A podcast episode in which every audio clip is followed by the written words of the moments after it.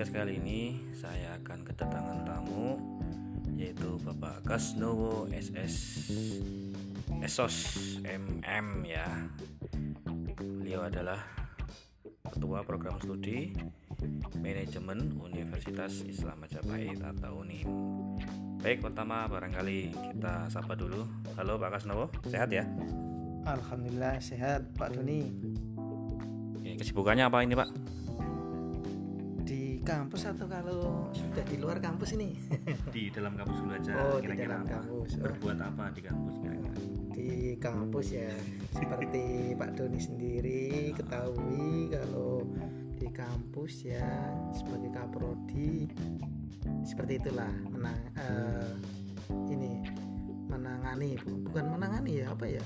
Menangani mahasiswa contohnya. Oh iya, ya. Mahasiswa atau mahasiswi ini? Oh ya kebanyakan kan mahasiswi Oh, karena gitu ya. manajemen kan biasa banyak ceweknya gitu ya. Oh gitu. Ya. Ya itu konsultasi ada yang mahasiswa baru belum bisa eh, membuka perkuliahan e-learning ya kita eh, tanggapi kasih tahu bagaimana caranya e-learning perkuliahan e-learning dan sebagainya itu salah satu contoh eh, kegiatan di prodi yang berkaitan dengan mahasiswa terutama oh ya itu eh, yang berhubungan langsung lah dengan mahasiswa. Banyak cerita ya sebenarnya ya. Berbicara atau ngomong-ngomong soal kaprodi ini Pak ya Pak ya? ya Kaprodi ya. Itu sudah dari tahun kapan? Terus kira-kira bahagia nggak sih sebenarnya jadi kaprodi gitu ya? Mohon maaf ya. Kalau mau cerita silakan, kalau nggak ya dilewati aja. Bahagia nggak sih? ya kita syukuri aja ini sebuah amanah kan ya tentunya Syukur, syukur gitu ya. syukur syukur kalau syukur kalau sudah syukur kan ya tentunya itu akan menimbulkan kenikmatan tersendiri Nikmat gitu ya. Iya nikmat itu kalau kita syukuri akan muncul kenikmatan Tapi kalau dilihat dari eh, apa logat bicaranya bukan asli Jawa Timur ya Pak ya? wah Dari mana ya Pak? Kalau saya simak apa nama sih medok-medoknya itu kok bukan arek Jawa Timur ini? ya bukan jadi saya eh, aslinya Yogyakarta Oh, piantun ngayuk Jakarta Hadiningrat niki. Piyayi ya niki eh, istilahnya apa ya kalau abdi dalem abdi dalem ngayu Jakarta Hadiningrat tapi eh, dari Gunung Kidul Makanya itu ya. Nggih, eh, mungkin lebih dikenal Nyi Roro Kidul karena mungkin bisa jadi itu saya jelmaannya Nyi Roro Kidul.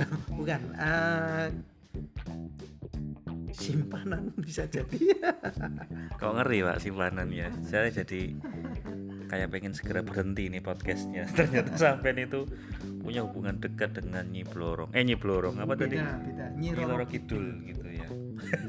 Kalau ke pantai selatan itu kan Jadi ngantor ke mana-mana ya. Berarti piantun Jogja, ya ke Jogja. tebih-tebih ngantos Mojokerto gitu ya. Nah, Gunung Kidul itu kayaknya mulai terkenal ketika lagune Didi Kempot itu ya. Oh, mantos. Oh dari Mantos. Lagu yang apa ya pak ya? Iwul Mas Gunung Kidul Oh, itu. tapi kan itu nggak nasional. Oh ya, kalau sebenarnya Mantos itu kan dikenalnya karena Campur ya, sari ya itu campur ya. sari Hmm, gitu ya, campur ini sari. genre campur sari. Ya, kalau anak-anak muda memang ke Didi Kempot kan yang Itu lagu apa sih? Mempopulerkannya Angine Gunung Purba. Gunung Api Purbo. Ah, itu Gunung Kidul ya. Oh iya, itu masuk Gunung Kidul tapi sudah uh, perbatasan mau ke kotanya. Jadi Kota arah Gunung Kidul. bukan uh, kota ke turun turun ke Jogjanya jadi uh, mungkin tidak sampai uh, ya sampai ya 10 km sudah masuk di uh, Jogja setelah perkotaan. Tapi juga ini ya sedang digalakan untuk promosi destinasi wisata ya terutama wisata baharinya ya lautnya ya. Pantai-pantainya itu banyak ya. Oh iya kalau Gunung Kidul memang kan arahnya ke wisata pantai selatan kan ya. Ya, yang terkenal mungkin dari eh, dari orang-orang Mojokerto. Sini arek atau arek ya arek arek Mojokerto juga cah-cah gitu ya Cah-cah. cah-cah wow. cah wong Jogja nah kalau dari itu memang kan yang terkenal mungkin dari sini juga sudah mengenal pantai Indrayanti oh, itu kan iya. Tuh. Baron itu Baron itu yang sudah lama kan ya dulu yang dikenal memang Baron, Gugup, Krakal itu kalau sekarang banyak dibuka pantai-pantai baru apalagi sekarang eh, dibuka CLS. jala, jalur lintas selatan jadi tembusnya Pacitan ya Jawa Timur juga Iya. Terus yang sempat viral itu pak tahun kemarin kayaknya. Jadi dibangun kayak objek wisata tapi juga ada restonya. Heho ya. ho. iya Hiha Hiha Ocean. Ya itu Bukan oh iya itu bukan ya. oh bukan beda lagi itu. Ah, itu satu manajemen Iya itu pantai. Pantai Ngubaran lah ya. Itu Gunung Kidul. ya Ngubaran itu masuk Ngerenean Ngubaran itu masuk Gunung Kidul. Tapi manaj- satu- masih satu manajemen di eh, Bukit Bintang. Jadi Bukit Bintang ya. Bukit Bintang itu juga ada Gunung Kidul juga. ya yaitu dekat dengan apa tadi Gunung Api Purba. Jadi kalau dari Jogja mau ke Gunung Api, Api Purba itu melewati Bukit Bintang. Yang di situ rame ketika kita melihat pemandangan Jogja di malam hari itu seperti apa. Gemerlapnya lampu-lampu di Jogja nah seperti itu. Nah di situ juga ada yaitu tadi eh, hihanya tapi saya juga belum pernah masuk karena baru kan ya Iya iya iya. Eh, lama nggak mudik Nah ini barangkali kan pendengar podcast saya ini atau senior ya padanan katanya kan senior. Kebetulan mahasiswa saya atau arek-arek Mojokerto kalau ingin ke Gunung Kidul paling simple, murah, efektif berarti naik kereta atau bus ya pak ya? Kalau murahnya Kereta ya? dari Mojokerto ya Iya. Iya, eh, murah kereta. Jadi dari stasiun apa sih ini? Mojokerto ada yang bisa turun di Lempuyangan atau eh, turun di stasiun Tugu atau Malioboro kan ya. Yang eh, apa? Dari Lempuyangan kayak yang lokal-lokal itu ya. Jadi yang dari Jogja terakhir Surabaya. Itu tiketnya yang murah-murah itu karena kayak penataran kan ya kalau di sini mungkin penataran tapi itu kan yang lintas provinsi Pak ya. Berarti ini simple alur rute perjalanan dari Mojokerto stasiun Mojokerto turun di stasiun Jogja Jogja pilihannya ada dua ya Ya. Lempu Yunangan dan Tugu untuk transportnya dari Jogja paling enak turun Lempu Yunangan atau Tugu pak? Kalau enaknya memang turun tugu ya jadi Nah, Tugu. dari Tugu itu dari tugu ke Gunung Kidulnya itu untuk lokasi yang pantai H itu eh apa Hau tadi pak? hiha Hiha. ocean Ah, jadi kalau terkait dengan transportasi itu eh, kalau sampai yang hiha saya kurang tahu ada ada jalur transportasi apa tetapi ada yang yang bisa sampai Baron itu eh, ininya Damri pak ya? Damri. Ada bis Damri. Itu jadi melayani rute dari Malioboro memang. Sampai. Sampai ada yang Parangtritis kalau yang Bantul ya. Oh iya, iya. kalau yang eh, Gunung Kidul itu tadi itu sampai Baron nah waktu itu eh, nanti bisa di searching lagi ya di Google. Ah, waktu itu memang baru booming boomingnya eh berarti dua tahun yang lalu pak ya? Dua tahun yang lalu kayaknya di baru ada itu. Nah, itu rame katanya. Jadi jam-jaman kayak kayak kereta juga. Itu dari misalnya dari eh, Malioboro itu pukul 6 pagi. Nanti yang dari eh, Baron ke Jogja itu juga ada. Jadi sebenarnya enak transportasinya. Berarti paling mungkin bisa ada kendaraan umum itu ya pak? Kalau untuk sewa mobil kayaknya ada juga ya persewaan mobil itu. Oh ya rental. Rental ya? rental mobil banyak sekali terkait dengan eh, untuk jasa eh, ini ya apa untuk melancong gitu ya. Itu banyak memang. Nah itu kan tarifnya memang rata-rata sekitar 600 ribu ya.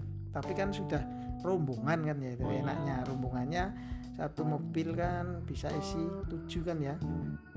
Tujuh. Nah, tiga tiga yang satu dekat sopir kan bagi tujuh kan berarti nggak ada seratusan kan ya? Enak itu. Nah, untuk penginapan kayaknya juga pasti itu ya Pak ya. Getok tularnya di situ ketika banyak objek wisata Eh, kalau Pastinya ada ya. pastinya pasti jadi dekat rumah saya aja nggak jauh eh, antara perbatasan Hmm. jadi itu dibangunnya waktu mungkin saya SMA apa ya Hmm. SMA itu sudah ada hotel ya bukan hotel ya tapi nyebutnya memang hotel sih kan eh, hotel dan itu pun jauh dari pusat eh, wisata pantai-pantai selatan itu dan itu memang dekat rumah saya juga itu sudah dibangun. Kalau yang di pantainya tentunya banyak sekali justru justru karena mereka kan eh, wisata kan ya tentunya mereka ketika mau nginep ya, ya dekat wisata sekalian. Ininya kayak paket komplit ya. Maksudnya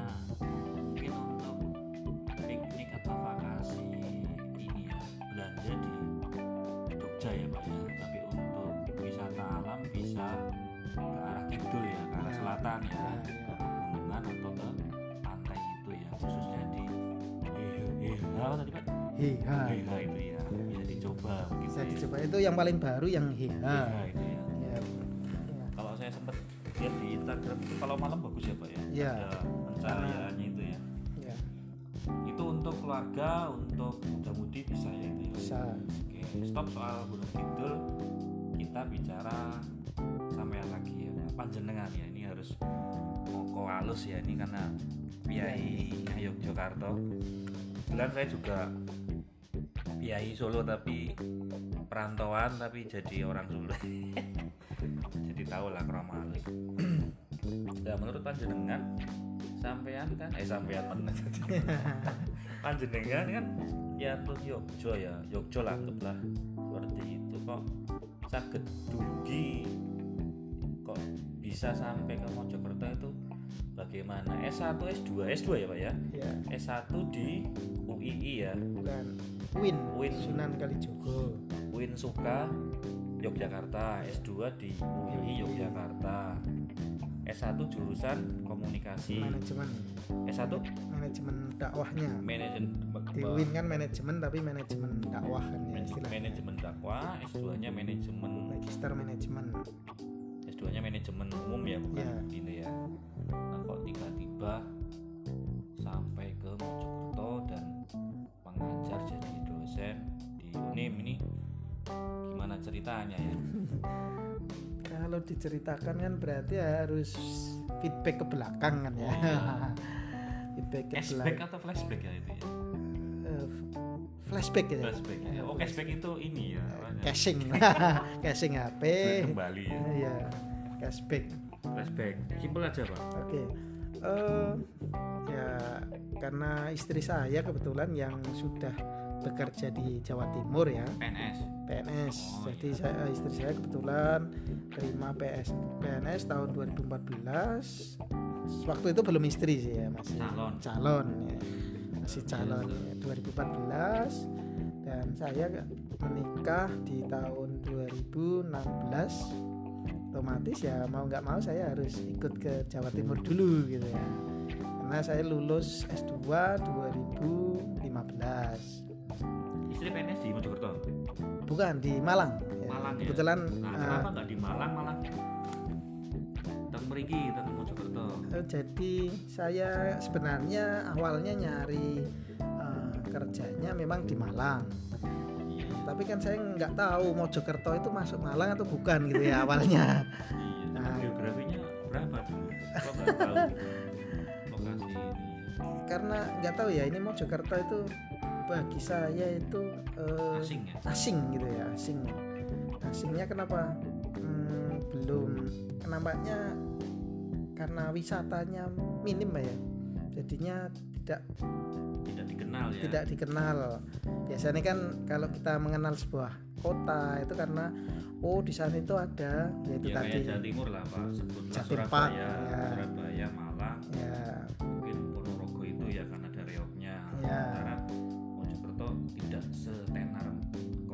tadi gitu ya. Ya ya itu sama jadi saya kira eh, awal itu Mojokerto itu masuk masih wilayah Malang. Gitu ya. itu. Dan akhirnya karena saya lihat di web waktu itu kok ada lowongan. Nah, saya coba. Webnya Unim. Ya webnya. Waktu itu ya webnya Uniman saya cuman searching uh, lowongan dosen gitu sih. Dosen nah manajemen. ya kebetulan kok muncul itu unimnya. Saya coba masukkan lamaran. Lah kok nggak ada seminggu pak ya? Ya sekitar satu mingguan kok ditelepon gitu ya. Kok ditelepon akhirnya eh, suruh ke unim. Untuk proses proses Wawancara. tahap selanjutnya. Ya wawancara. Nah setelah itu memang agak lama pak ya itu saya kok ditelepon lagi. Istilahnya diterima terus suruh eh, ngelengkapi berkas-berkasnya. Itu tahun? Tahun 2017 masuk jadi dosen Unim ya? Ya jadi saya ke Jawa ke Malang itu eh, 2016 juga sih 16 keterima di Unim 17 2017 berarti ada rentang waktu satu tahun ya? untuk mencari mencari itu ya. Iya. Sebenarnya nggak ada setahun sih karena saya akhir. akhir ya 2016 sampai itu. ya 2016 kan akhir. Berarti pemicunya panjenengan untuk hijrah ya ke Jawa Timur Malang Mojokerto karena posisi istri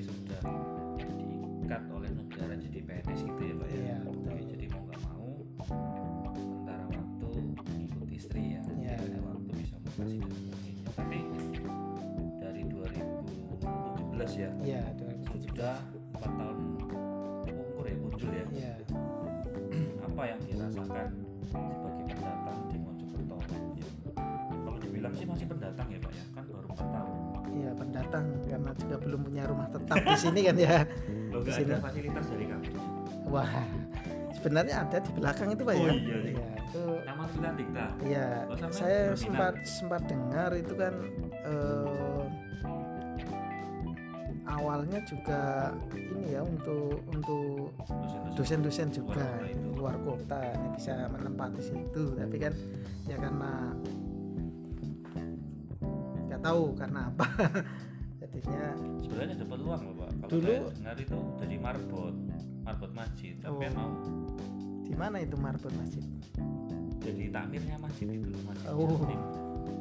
Ya mau. sebenarnya kalau dikelola dengan baik gitu kan marbot itu malah justru akan memakmurkan masjid Oh, kan iya. ya itu. Tapi ya kita belum tahu struktur awalnya kan belum tahu struktur itunya ya. Struktur kondisi kepengurusan masjid itu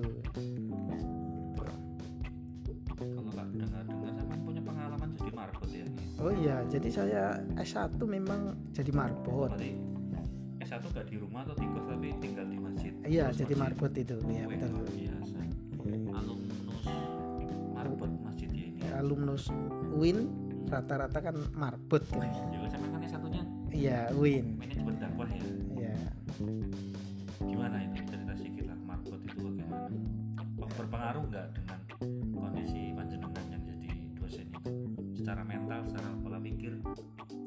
ya itu sangat berpengaruh sekali kan ya tentunya. Karena apa?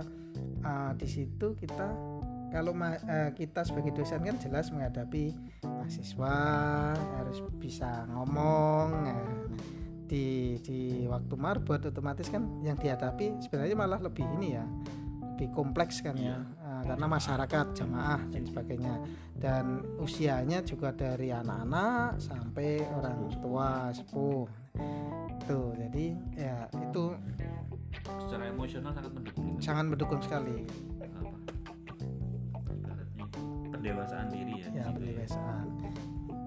Ya macam-macam lah intinya terkait dengan eh, alumni marbot itu kebanyakan teman-teman saya jadi PNS beberapa yang jadi yang eh, satu satu ini angkatan ya istilahnya di marbot itu. Kebetulan waktu itu berdua tinggal saya sama teman saya. Awalnya tiga sih karena dia dia sudah sibuk dengan pekerjaannya. Kebetulan diangkat jadi kepala sekolah. Akhirnya kita tinggal berdua. Nah tinggal berdua teman saya juga sudah lulus juga. Akhirnya dia terima PNS nah, akhirnya tinggal saya sendiri saya sendiri terus nyoba nyari teman juga. Dapatlah teman teman akhirnya saya yang eh, gantian keluar eh, istilahnya berhenti ya dari marbot itu eh, pengalaman terkait menjadi marbot bagaimana mengelola eh, masjid agar makmur ya tentunya ya. Ya bagaimana memberikan ya masyarakatnya banyak. Eh, yang harus disuguhi kan banyak juga ya yang satu tipe pengajiannya eh, yang minta yang apa istilahnya lucu-lucu nah kita juga eh, ikuti kasih lah sesekali kita kasih ada yang kajian bahas kitab ya kita layani juga jadi harus ya mem- ya. ya harus sesuai permintaan gitu.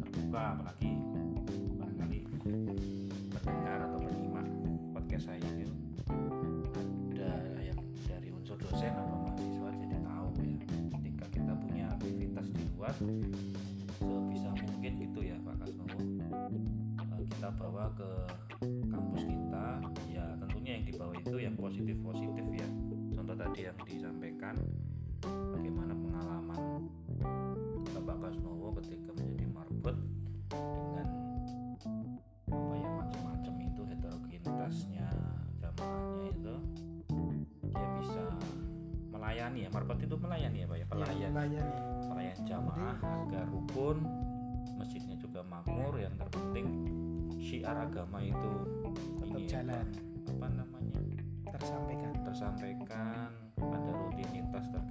kajian keagamaan. Nah ngomong-ngomong bahagia tadi ya belum ya bahagia nggak sih dengan kondisi sekarang jadi dosen tentunya bisa kita tarik ke belakang ya tidak semua teman kita lanjut S2 tidak semua yang S2 juga berposisi atau berprofesi sebagai dosen. Nah itu merujuk atau bermuara nanti ya. Bahagia sebenarnya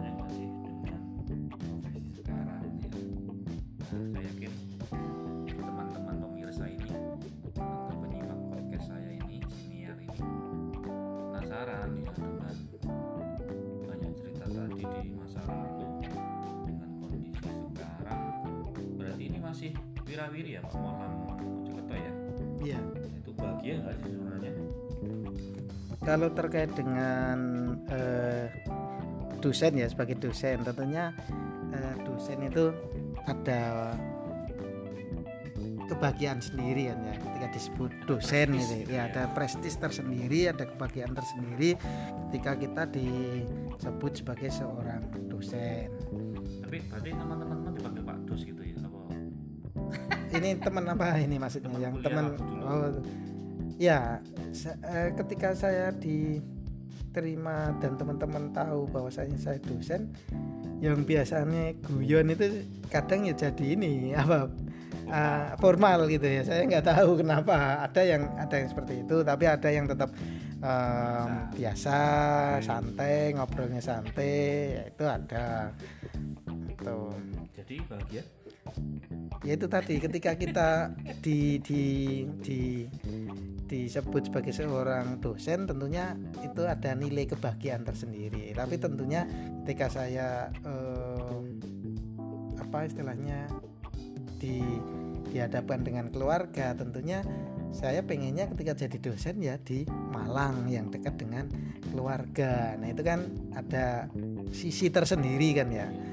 Tuh pengen tetap jadi dosen tapi lebih bahagia ketika bersama dengan keluarga. Jadi setiap hari bisa ketemu dengan anak istri dan sebagainya. Berarti ada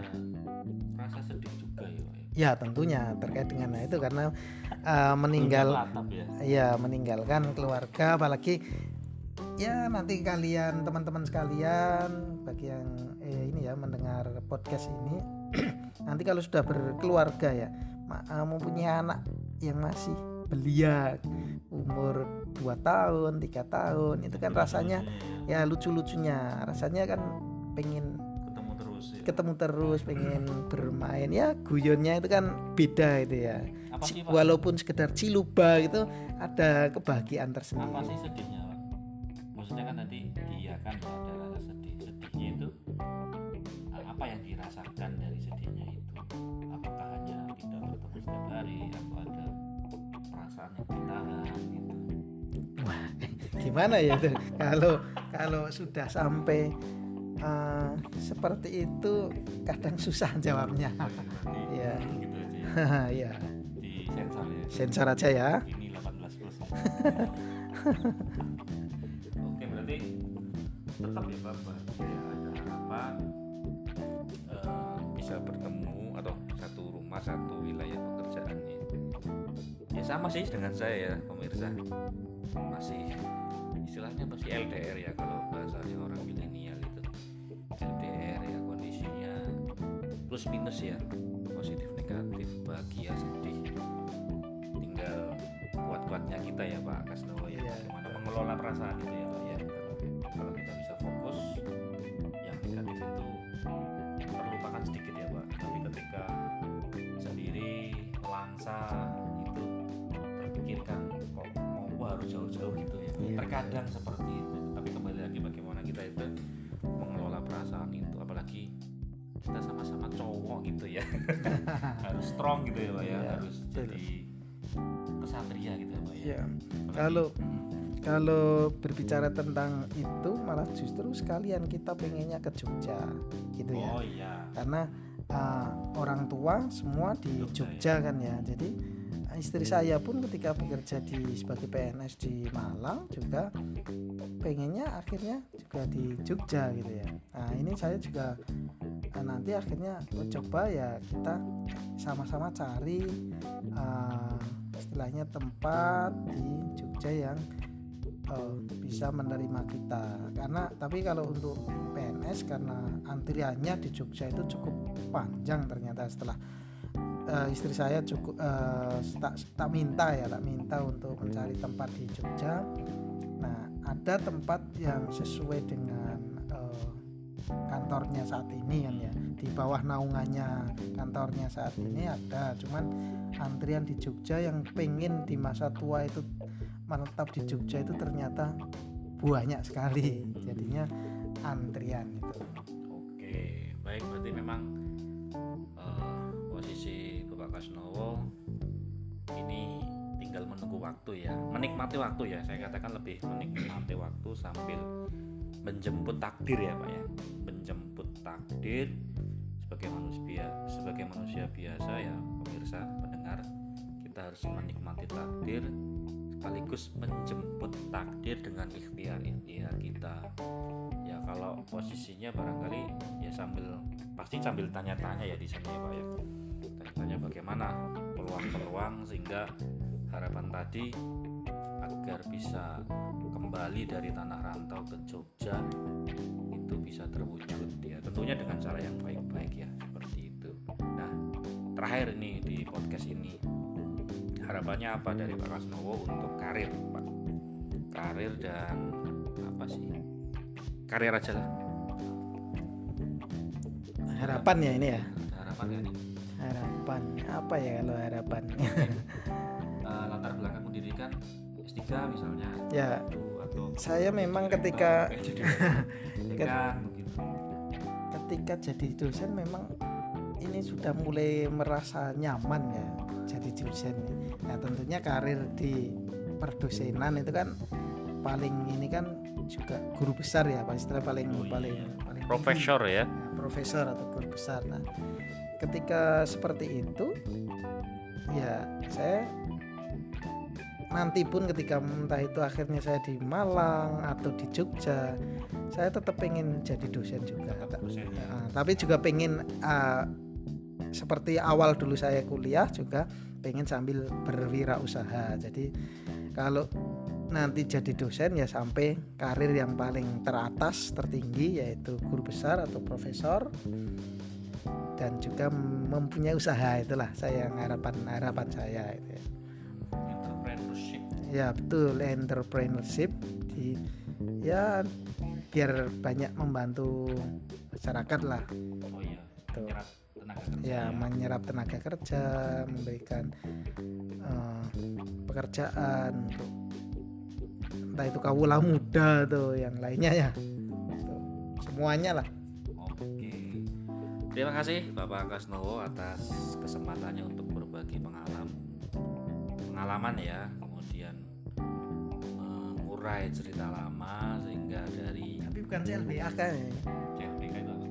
cinta lama bersemi kembali Emang sama mau cerita, sama punya mantan berapa kan? oh enggak ya Baik intinya bukan mengulik untuk CLBK kan ya ya ini lebih ke podcastnya ini berisi pengalaman ya dari kolega saya ya sejawat saya di Unim di prodi pendidikan eh pendidikan manajemen Pak Bapak Kasno ini kaprodinya kebetulan juga Piantun Yogyakarta. Saya ingin mengulik ya ada cerita apa ya. Tadi saya yakin teman-teman tertarik dengan ceritanya awal mulanya dari Yogyakarta sampai ke sini itu seperti apa? Kemudian tadi apa? Ceritanya jadi marbot. Nah itu ya. Ternyata dosenku itu dulu marbot gitu ya sehingga di kampus tampak soleh gitu ya. Gitu ya. Tapi nggak punya jenggot ya saatnya ya. Yang punya jenggot malah saya. Padahal bukan marbot. Berarti marbot tidak melulu yang berjenggot ya pak ya gitu. Kemudian apa tadi ya harapannya bisa mencapai posisi yang paling unggul paling atas sebagai guru besar. Ya kalau seperti itu saya juga mau ya tinggal tadi ya kita menikmati hidup dan menjemput takdirnya itu ya. Sampai kapan bisa entok ya bisa mencapai guru besar itu. 5-10 tahun lagi bisa ya kalau kita fokus pak ya. Enggak, bukan hal yang mungkin ya. Ya kalau fokus sebenarnya tidak eh, sekitar lima tahun sudah bisa kita ini kan ya. Ya kalau guru besar kecepatan lah 5 tahun.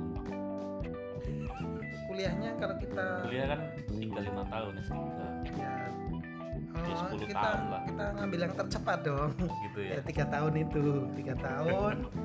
Sudah eh, lulus S3 terus kita kan kepang oh iya kepangkatan kita naik ke lektor ke lektor kepala lektor kepala ke profesor ya. Kan dua tahunan kan ya? Dua tahunan ya. Lebih lebih dari lima tahun tapi nggak sampai 10 tahun sih. Oke, ya itu tadi. Intinya eh, pemirsa atau pendengar podcast saya ini atau siniar ya saya perkenalkan istilah dalam padanan bahasa Indonesia-nya itu siniar yaitu padanan dari kata podcast ya. Jadi saya harap teman-teman sebagai penyimak atau pendengar siniar saya ini bisa terinspirasi ya minimal ya apa-apa ya tadi yang sifatnya inspiratif. Wah, saya minta tolong ya sebagai host host atau tuan rumah podcast saya ini atau siniar ini. Itu diterapkan barangkali kejadiannya sama ya. Kalau dilihat dari ya moga-moga sih itu ada pahala ya ada pahala tersendiri. Ketika cerita orang lain itu ternyata ada dampak yang baik buat orang lain ya kita berdoa itu dihitung pahala oleh Allah Ta'ala.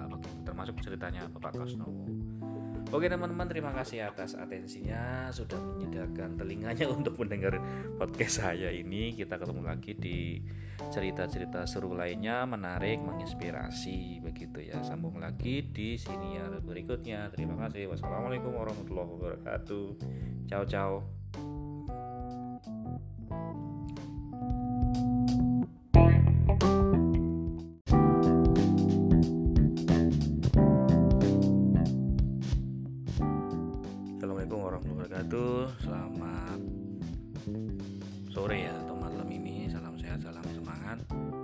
Podcast kali ini saya akan kedatangan tamu Yaitu Bapak Kasnowo SS Esos MM ya Beliau adalah Ketua Program Studi Manajemen Universitas Islam Majapahit atau UNIM Baik, pertama barangkali kita sapa dulu.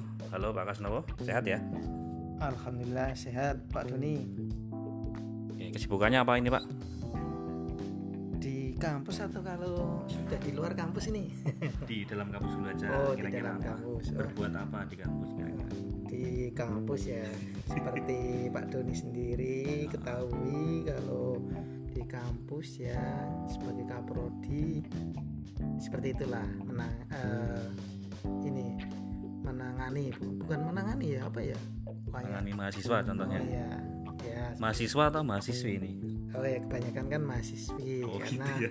manajemen kan biasa banyak ceweknya gitu ya Oh gitu. ya itu konsultasi ada yang mahasiswa baru belum bisa eh, membuka perkuliahan e-learning ya kita eh, tanggapi kasih tahu bagaimana caranya membuka e-learning perkuliahan e-learning dan sebagainya itu salah satu contoh eh, kegiatan di prodi yang berkaitan dengan mahasiswa terutama oh ya itu eh, yang berhubungan langsung lah dengan mahasiswa. Banyak cerita ya sebenarnya ya. Berbicara atau ngomong-ngomong soal kaprodi ini Pak ya, Kaprodi ya. Itu sudah dari tahun kapan? Terus kira-kira bahagia gak sih sebenarnya jadi kaprodi gitu ya? Mohon maaf ya. Kalau mau cerita silakan kalau enggak ya dilewati aja. Bahagia gak sih? Ya kita syukuri aja. Ini sebuah amanah kan ya tentunya. Syukur, syukur gitu ya. syukur syukur. Kalau syukur kalau sudah syukur kan ya tentunya itu akan menimbulkan kenikmatan tersendiri. Nikmat gitu ya. Iya nikmat. Itu kalau kita syukuri akan muncul kenikmatan. Tapi kalau dilihat dari eh, apa logat bicaranya bukan asli Jawa Timur ya pak ya? Wah. Dari mana ya pak? Kalau saya simak apa nama sih medok-medoknya itu kok bukan arek Jawa Timur ini? Ya bukan. Jadi saya eh, aslinya Yogyakarta. Oh, piantun ngayuk Jakarta Hadiningrat niki. Eh, piyayi ya niki eh, istilahnya apa ya kalau abdi dalem. Abdi dalem ngayu Jakarta Hadiningrat tapi eh, dari Gunung Kidul makanya itu ya Nggih, eh, mungkin lebih dikenal Nyi Roro Kidul karena mungkin bisa jadi itu saya jelmaannya Nyi Roro Kidul. Bukan eh, simpanan bisa jadi. kok ngeri pak simpanan ya saya jadi kayak pengen segera berhenti nih podcastnya. Ternyata sampean itu punya hubungan dekat dengan Nyi Blorong. Eh Nyi Blorong apa tadi? Beda. Nyi Loro Kidul gitu ya. Kalau ke pantai selatan itu kan. Jadi ngantor ke mana-mana ya. Berarti piantun Jogja. Ya Jogja. tebih-tebih ngantos Mojokerto gitu ya.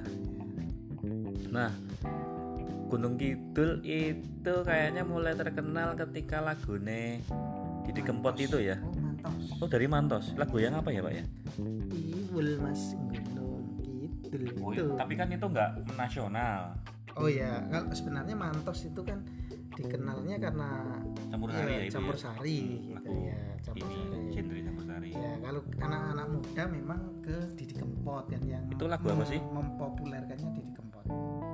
Yang mana itu?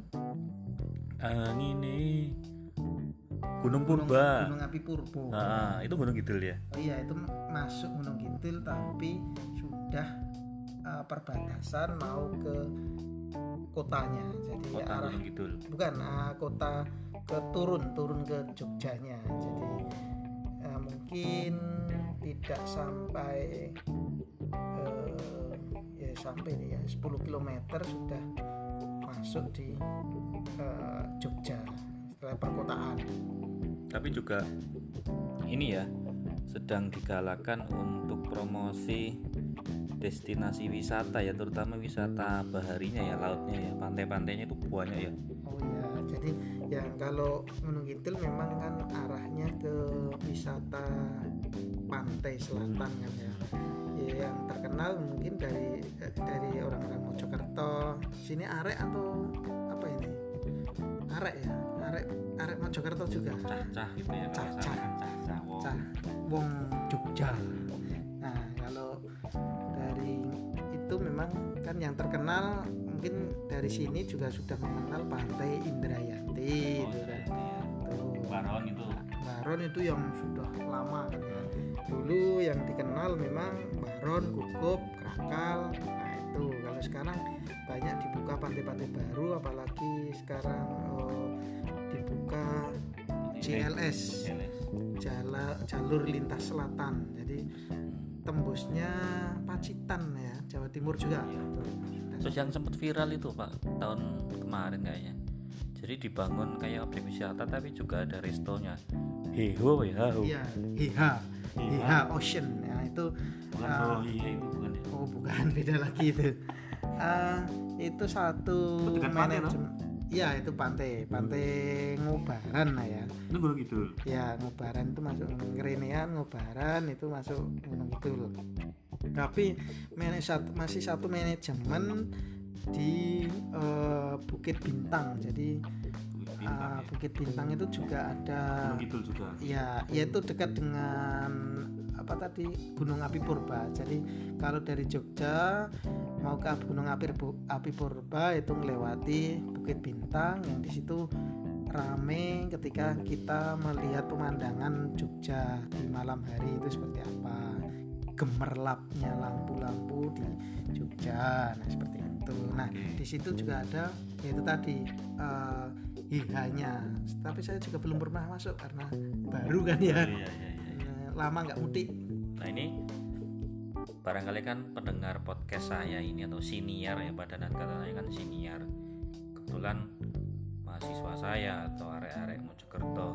Kalau ingin ke Gunung Kidul paling simple, murah, efektif berarti naik kereta atau bus ya Pak ya? kalau murahnya Kereta ya? dari Mojokerto ya Iya.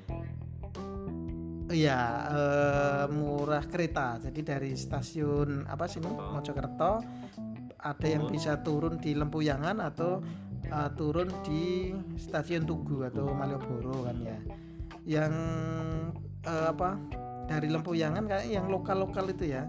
Jadi yang dari Jogja terakhir Surabaya itu tiketnya yang murah-murah itu karena kayak penataran kan ya kalau di sini mungkin penataran tapi itu kan yang lintas provinsi Pak ya Tuh.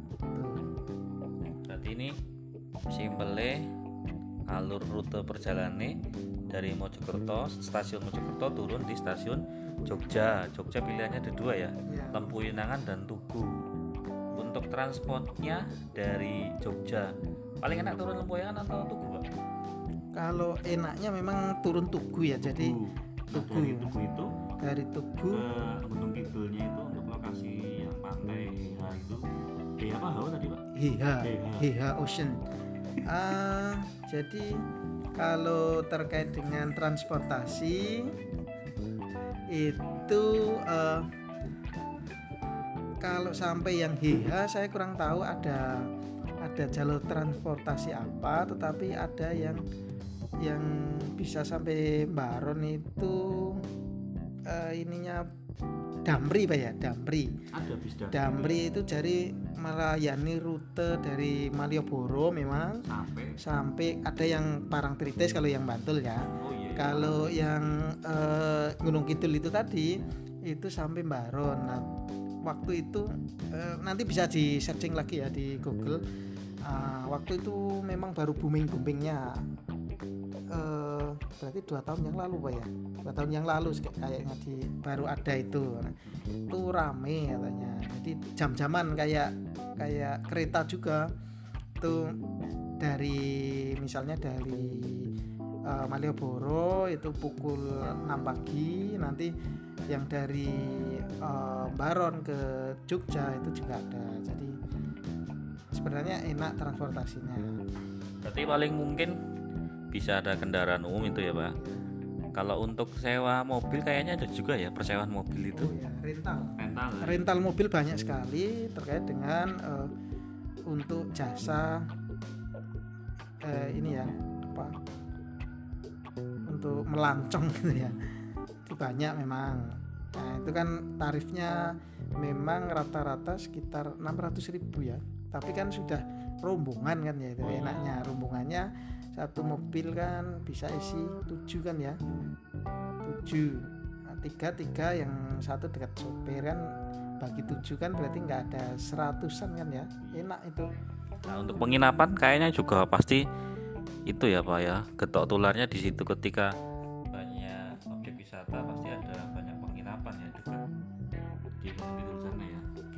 Kalau ya?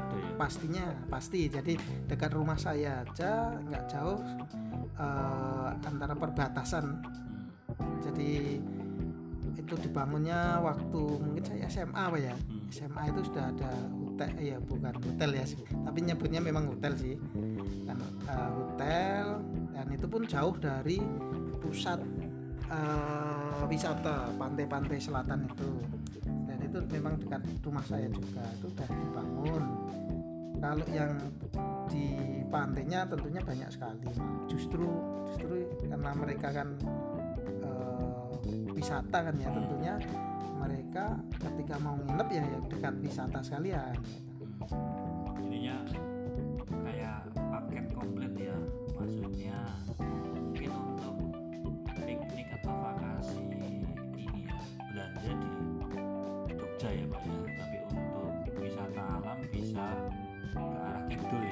ya ke selatan ya. Ke pegunungan atau ke pantai itu ya khususnya di Heha apa tadi Pak? Heha Heha itu ya bisa dicoba bisa ya. dicoba. Itu yang paling baru yang Heha Heha itu ya. ya. kalau saya sempat lihat di Instagram itu kalau malam bagus ya Pak ya, ya. ada pencahayaannya itu ya. ya itu untuk keluarga untuk muda-mudi bisa ya itu ya? Bisa. Oke stop soal Gunung Kidul. Kita bicara sampai lagi ya panjenengan. Ya ini harus moko halus ya ini karena Piai Yogyakarta. Kebetulan saya juga Piai Solo tapi perantauan tapi jadi orang Solo. Jadi tahu lah krama halus nah menurut panjenengan sampean kan eh sampean mana panjenengan kan ya tuh Yogyo ya. Yogyo lah anggaplah. Seperti itu kok. Sakit dugi. Kok bisa sampai ke Mojokerto itu bagaimana? S1 S2 S2 ya Pak ya, ya. S1 di UII ya? Bukan. Win. Win. Sunan Kalijogo. Win Suka Yogyakarta. S2 di UII Yogyakarta. S1 jurusan komunikasi. Manajemen. S1 manajemen dakwahnya. Manajemen. Di Win kan manajemen tapi manajemen dakwah kan ya istilahnya. Manajemen dakwah S2 nya manajemen. Magister manajemen S2 nya manajemen umum ya bukan ya. ini ya.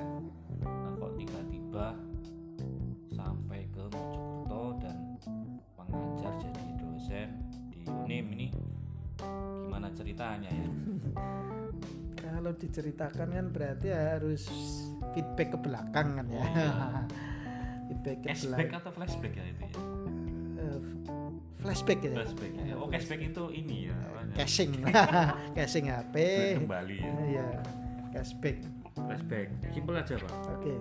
uh, ya karena istri saya kebetulan yang sudah bekerja di Jawa Timur ya. PNS PNS oh, jadi iya. saya istri saya kebetulan terima PS PNS tahun 2014 waktu itu belum istri sih ya masih calon. calon ya. Masih calon ya, 2014 dan saya menikah di tahun 2016 otomatis ya mau nggak mau saya harus ikut ke Jawa Timur dulu gitu ya. Karena saya lulus S2 2015 istri PNS di Mojokerto? Bukan di Malang, ya. Malang ya? kebetulan nah eh, kenapa nggak di Malang malah? Teng merigi teng Mojokerto. Eh, jadi saya sebenarnya awalnya nyari eh, kerjanya memang di Malang tapi kan saya nggak tahu Mojokerto itu masuk Malang atau bukan gitu ya awalnya. Iya Nah. geografinya berapa dulu kok nggak tahu lokasi ini karena nggak tahu ya ini Mojokerto itu bagi saya itu eh, asing ya? asing gitu ya asing. Asingnya kenapa? Hmm, belum. Nampaknya karena wisatanya minim ya. Jadinya tidak tidak dikenal ya. Tidak dikenal. Biasanya kan kalau kita mengenal sebuah kota itu karena oh di sana itu ada yaitu ya tadi. Kayak Jawa Timur lah pak. Sebutlah Jatim Park, Surabaya ya. Surabaya Malang. Ya. Mungkin Ponorogo itu ya karena ada reoknya. Ya. sementara Mojokerto tidak setenar kota-kota tadi gitu ya. Ya ya itu. jadi saya kira awal itu Mojokerto itu masuk masih wilayah Malang. Gitu akhirnya karena saya lihat di web waktu itu kok ada lowongan. Nah, saya coba. Webnya Unim. Ya webnya. Waktu itu ya webnya Unim. Saya cuman searching uh, lowongan dosen gitu sih. Dosen nah, manajemen. ya kebetulan kok muncul itu unimnya. Saya coba masukkan lamaran. Lah kok nggak ada seminggu pak ya? Ya sekitar satu mingguan kok ditelepon gitu ya. Kok ditelepon akhirnya eh, suruh ke unim. Untuk proses proses Wawancara. tahap selanjutnya ya wawancara. Nah setelah itu memang agak lama pak ya itu?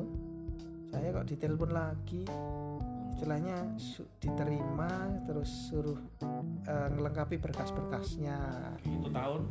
Tahun 2017 masuk jadi dosen Unim ya? Ya jadi saya ke Jawa, ke Malang itu eh, 2016 juga sih 16 keterima di Unim 17 2017 Berarti ada rentang waktu satu tahun ya? Untuk mencari mencari itu ya? Iya. Oke, oke. Sebenarnya nggak ada setahun sih karena saya akhir akhir ya 2016 sampai itu. ya 2016 kan akhir berarti pemicunya panjenengan untuk hijrah ya ke Jawa Timur Malang Mojokerto karena posisi istri sudah diikat oleh negara jadi PNS gitu ya Pak ya Iya, betul. Jadi mau nggak mau sementara waktu ikut istri ya ada waktu bisa mutasi 2017 ya ya sudah 4 tahun umur ya muncul ya. 2017 ya apa yang dirasakan sebagai pendatang di Mojokerto? Ya. kalau dibilang sih masih pendatang ya pak ya. Kan baru 4 tahun. Ya pendatang karena juga belum punya rumah tetap di sini kan ya. Lo Di sini. ada fasilitas dari kampus wah sebenarnya ada di belakang itu pak Oh, ya iya, iya. ya itu Taman Villa Dikta? Ya sampai saya sempat sempat dengar itu kan eh, awalnya juga ini ya untuk untuk dosen-dosen. juga itu. luar kota ini bisa menempati situ. Tapi kan ya karena nggak tahu karena apa. Jadinya sebenarnya dapat uang loh pak. Kalau Dulu- dengar itu jadi marbot marbot masjid tapi Oh. mau. Di mana itu marbot masjid? Jadi takmirnya masjid itu masjid Oh. Ya mau. sebenarnya kalau dikelola dengan baik itu kan marbot itu malah justru akan memakmurkan masjid Oh, kan iya. ya itu. Tapi ya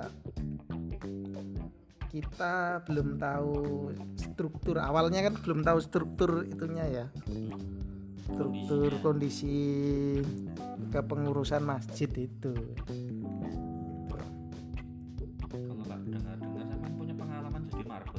oh iya jadi saya S1 memang jadi marbot. Berarti S1 gak di rumah atau di kos tapi tinggal di masjid? Iya Terus jadi masjid. marbot itu. Ya Wih, betul. biasa. Alumnus marbot masjid ya ini. Alumnus UIN rata-rata kan marbot kan. Ya sama kan S1 nya iya Win manajemen dakwah ya? Iya. Gimana itu cerita sedikit lah marbot itu bagaimana? Berpengaruh nggak dengan kondisi panjenengan yang jadi dosen itu? Secara mental ya itu sangat berpengaruh sekali kan ya tentunya. Karena apa? Ah, di situ kita kalau ma- eh, kita sebagai dosen kan jelas menghadapi mahasiswa harus bisa ngomong nah, di di waktu marbot otomatis kan yang dihadapi sebenarnya malah lebih ini ya lebih kompleks kan ya. Ah, karena masyarakat jamaah dan sebagainya. Dan usianya juga dari anak-anak sampai orang tua sepuh tuh jadi ya itu secara emosional sangat mendukung sangat mendukung sekali. Apa? Pendewasaan diri ya, ya situ ya. pendewasaan.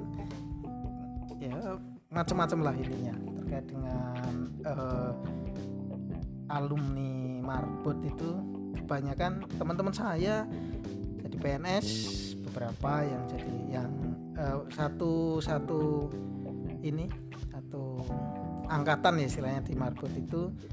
Kebetulan waktu itu berdua tinggal saya sama teman saya. Awalnya tiga sih karena dia dia sudah sibuk dengan pekerjaannya. Kebetulan diangkat jadi kepala sekolah. Akhirnya kita tinggal berdua. Nah tinggal berdua teman saya juga sudah lulus juga. Akhirnya dia terima PNS nah, akhirnya tinggal saya sendiri saya sendiri terus nyoba nyari teman juga.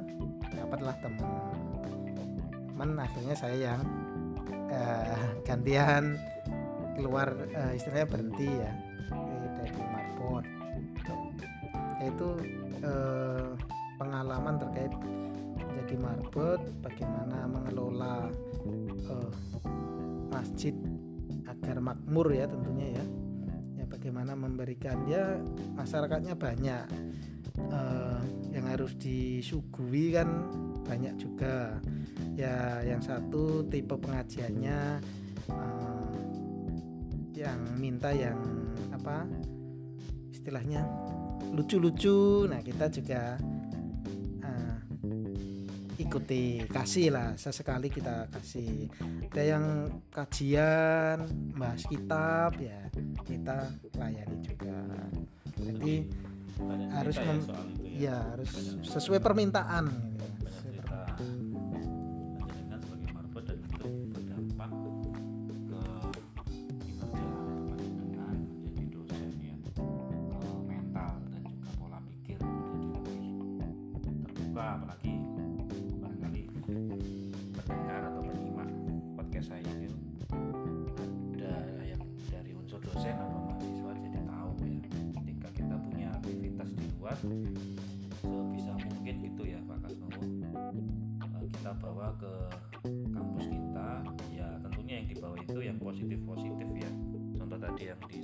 disampaikan bagaimana pengalaman Bapak Kasnowo ketika menjadi marbot dengan apa ya macam-macam itu heterogenitasnya jamaahnya itu dia bisa melayani ya. Marbot itu melayani ya Pak ya? Pelayan. melayani. Pelayan jamaah agar rukun masjidnya juga makmur yang terpenting syiar agama itu tetap ini ya, jalan. apa namanya? Tersampaikan. Tersampaikan kajian keagamaan. Nah ngomong-ngomong bahagia tadi ya belum jawab ya? Bahagia nggak sih dengan kondisi sekarang jadi dosen? Tentunya bisa kita tarik ke belakang ya tidak semua teman kita lanjut S2 tidak semua yang S2 juga berposisi atau berprofesi sebagai dosen. Nah itu merujuk atau bermuara nanti ya. Bahagia sebenarnya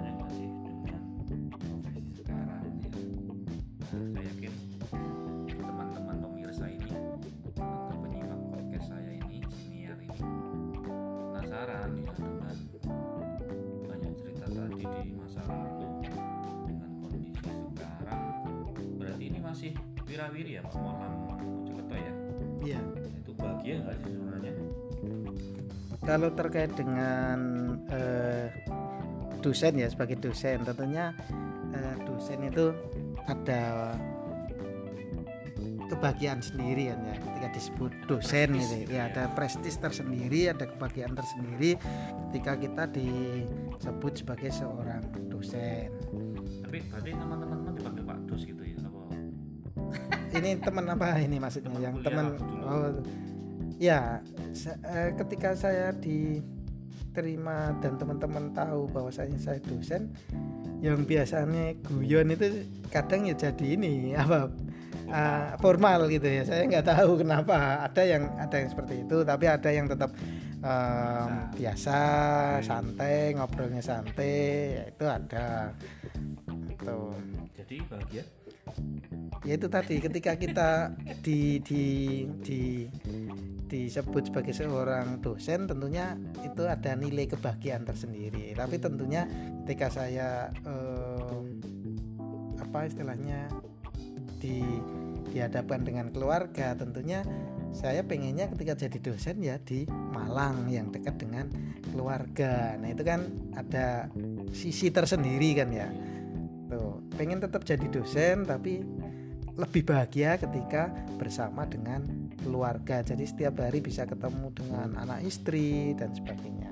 Berarti ada rasa sedih juga ya ya? ya tentunya terkait dengan itu karena uh, meninggal. Atap ya. Ya meninggalkan keluarga apalagi ya nanti kalian teman-teman sekalian bagi yang eh, ini ya mendengar podcast ini nanti kalau sudah berkeluarga ya eh, mempunyai anak yang masih belia umur 2 tahun tiga tahun itu kan rasanya ya lucu-lucunya. Rasanya kan pengen ketemu terus ya. ketemu terus pengen bermain. Ya guyonnya itu kan beda itu ya apa sih Pak? walaupun sekedar ciluba gitu ada kebahagiaan apa tersendiri sih sedihnya Pak?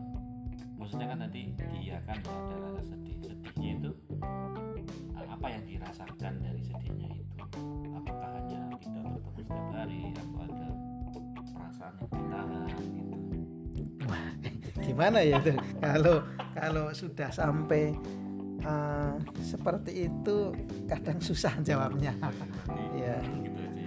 Ya sensor ya. Sensor aja ya. Ini 18 plus oke berarti tetap ya bapak. Ya ada harapan eh, bisa bertemu atau satu rumah satu wilayah pekerjaan ya. sama sih dengan saya ya pemirsa. Masih istilahnya masih LDR ya kalau bahasanya orang milenial itu. LDR ya kondisinya plus minus ya. Positif negatif bahagia sedih kuat-kuatnya kita ya Pak Kasnowo ya Iya. bagaimana mengelola perasaan itu ya Pak ya. Kalau kita bisa fokus yang negatif itu terlupakan sedikit ya Pak. Tapi ketika sendiri melangsa itu terpikirkan kok mau harus jauh-jauh gitu ya. Iya. terkadang seperti itu. Tapi kembali lagi bagaimana kita itu mengelola perasaan itu. Apalagi kita sama-sama cowok gitu ya. Harus strong gitu ya Pak ya. Iya, harus jadi kesatria gitu ya Pak ya? Ya Apalagi- kalau Hmm. kalau berbicara tentang itu malah justru sekalian kita pengennya ke Jogja gitu ya. Oh iya. Karena uh, orang tua semua di Jogja, Jogja kan ya. Jadi istri saya pun ketika bekerja di sebagai PNS di Malang juga pengennya akhirnya juga di Jogja gitu ya. Nah ini saya juga uh, nanti akhirnya coba ya kita sama-sama cari uh, istilahnya tempat di Jogja yang uh, bisa menerima kita. Karena tapi kalau untuk PNS karena antriannya di Jogja itu cukup panjang ternyata setelah uh, istri saya cukup uh, tak, tak minta ya tak minta untuk mencari tempat di Jogja. Nah ada tempat yang sesuai dengan uh, kantornya saat ini kan ya. Di bawah naungannya kantornya saat ini ada cuman antrian di Jogja yang pengen di masa tua itu menetap di Jogja itu ternyata banyak sekali. Jadinya antrian itu. Oke, baik. Berarti memang eh, Bapak Kasnowo ini tinggal menunggu waktu ya, menikmati waktu ya. Saya katakan lebih menikmati waktu sambil menjemput takdir ya Pak ya, menjemput takdir sebagai manusia sebagai manusia biasa ya pemirsa pendengar. Kita harus menikmati takdir sekaligus menjemput takdir dengan ikhtiar ikhtiar kita. Ya kalau posisinya barangkali ya sambil pasti sambil tanya-tanya ya di sana ya pak ya tanya-tanya bagaimana peluang-peluang sehingga harapan tadi agar bisa kembali dari tanah rantau ke Jogja itu bisa terwujud ya. Tentunya dengan cara yang baik-baik ya seperti itu. Nah terakhir ini di podcast ini harapannya apa dari Pak Kasnowo untuk karir Pak? Karir dan apa sih? Karir aja lah. Harapan ya ini ya? Harapan nggak nih harapan apa ya kalau harapan Eh, latar belakang pendidikan S3 misalnya. Ya atau saya memang ketika jadi dekan begitu ketika jadi dosen memang ini sudah mulai merasa nyaman ya jadi dosen. Nah tentunya karir di perdosenan itu kan paling ini kan juga guru besar ya istilah paling Oh, iya. paling paling profesor ya. Nah, profesor atau guru besar. Nah ketika seperti itu ya saya nanti pun ketika entah itu akhirnya saya di Malang atau di Jogja saya tetap pengen jadi dosen juga. Tetap dosen, ya. Nah, tapi juga pengen ah, seperti awal dulu saya kuliah juga pengen sambil berwirausaha. Jadi kalau nanti jadi dosen ya sampai karir yang paling teratas tertinggi yaitu guru besar atau profesor dan juga mempunyai usaha itulah saya harapan harapan saya itu ya. entrepreneurship ya betul entrepreneurship di ya biar banyak membantu masyarakat lah oh iya Tuh. menyerap tenaga kerja ya menyerap tenaga kerja memberikan eh, pekerjaan untuk entah itu kawula muda tuh yang lainnya ya Tuh, semuanya lah. Terima kasih Bapak Kasnowo atas kesempatannya untuk berbagi pengalaman pengalaman ya, kemudian mengurai cerita lama sehingga dari tapi bukan CLBK ya CFPK itu apa? cinta lama bersemi kembali Emang sama mau cerita, sama punya mantan berapa kan? Oh. enggak ya Baik intinya bukan mengulik untuk CLBK kan ya ya ini lebih ke uh, podcastnya berisi pengalaman ya dari kolega saya ya sejawat saya di Unim di prodi pendidikan eh pendidikan manajemen Pak Bapak Kasno ini kaprodinya kebetulan juga Piantun Yogyakarta.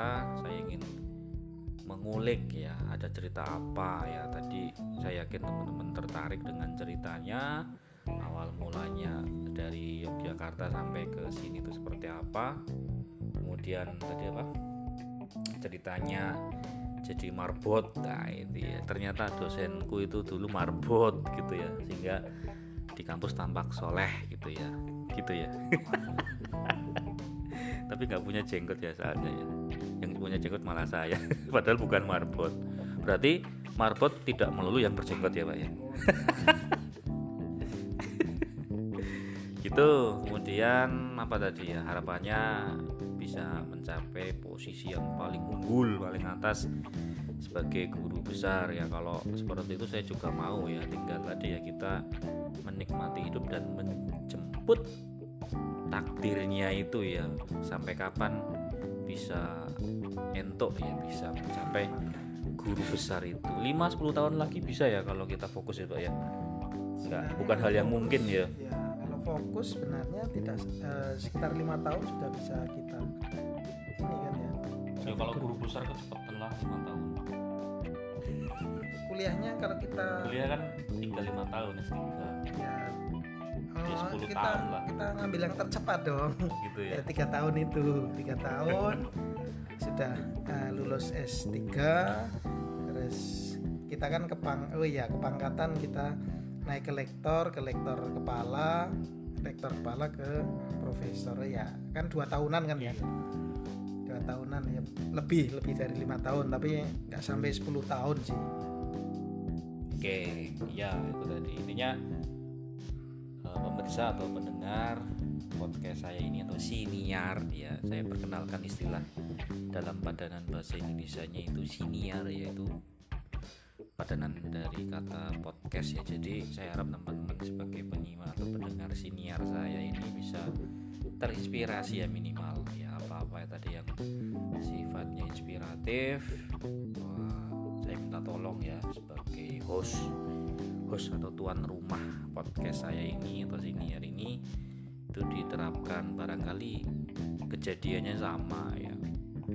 Kalau dilihat dari ya moga-moga sih itu ada pahala ya ada pahala tersendiri. Ketika cerita orang lain itu ternyata ada dampak yang baik buat orang lain ya kita berdoa itu dihitung pahala oleh Allah Ta'ala.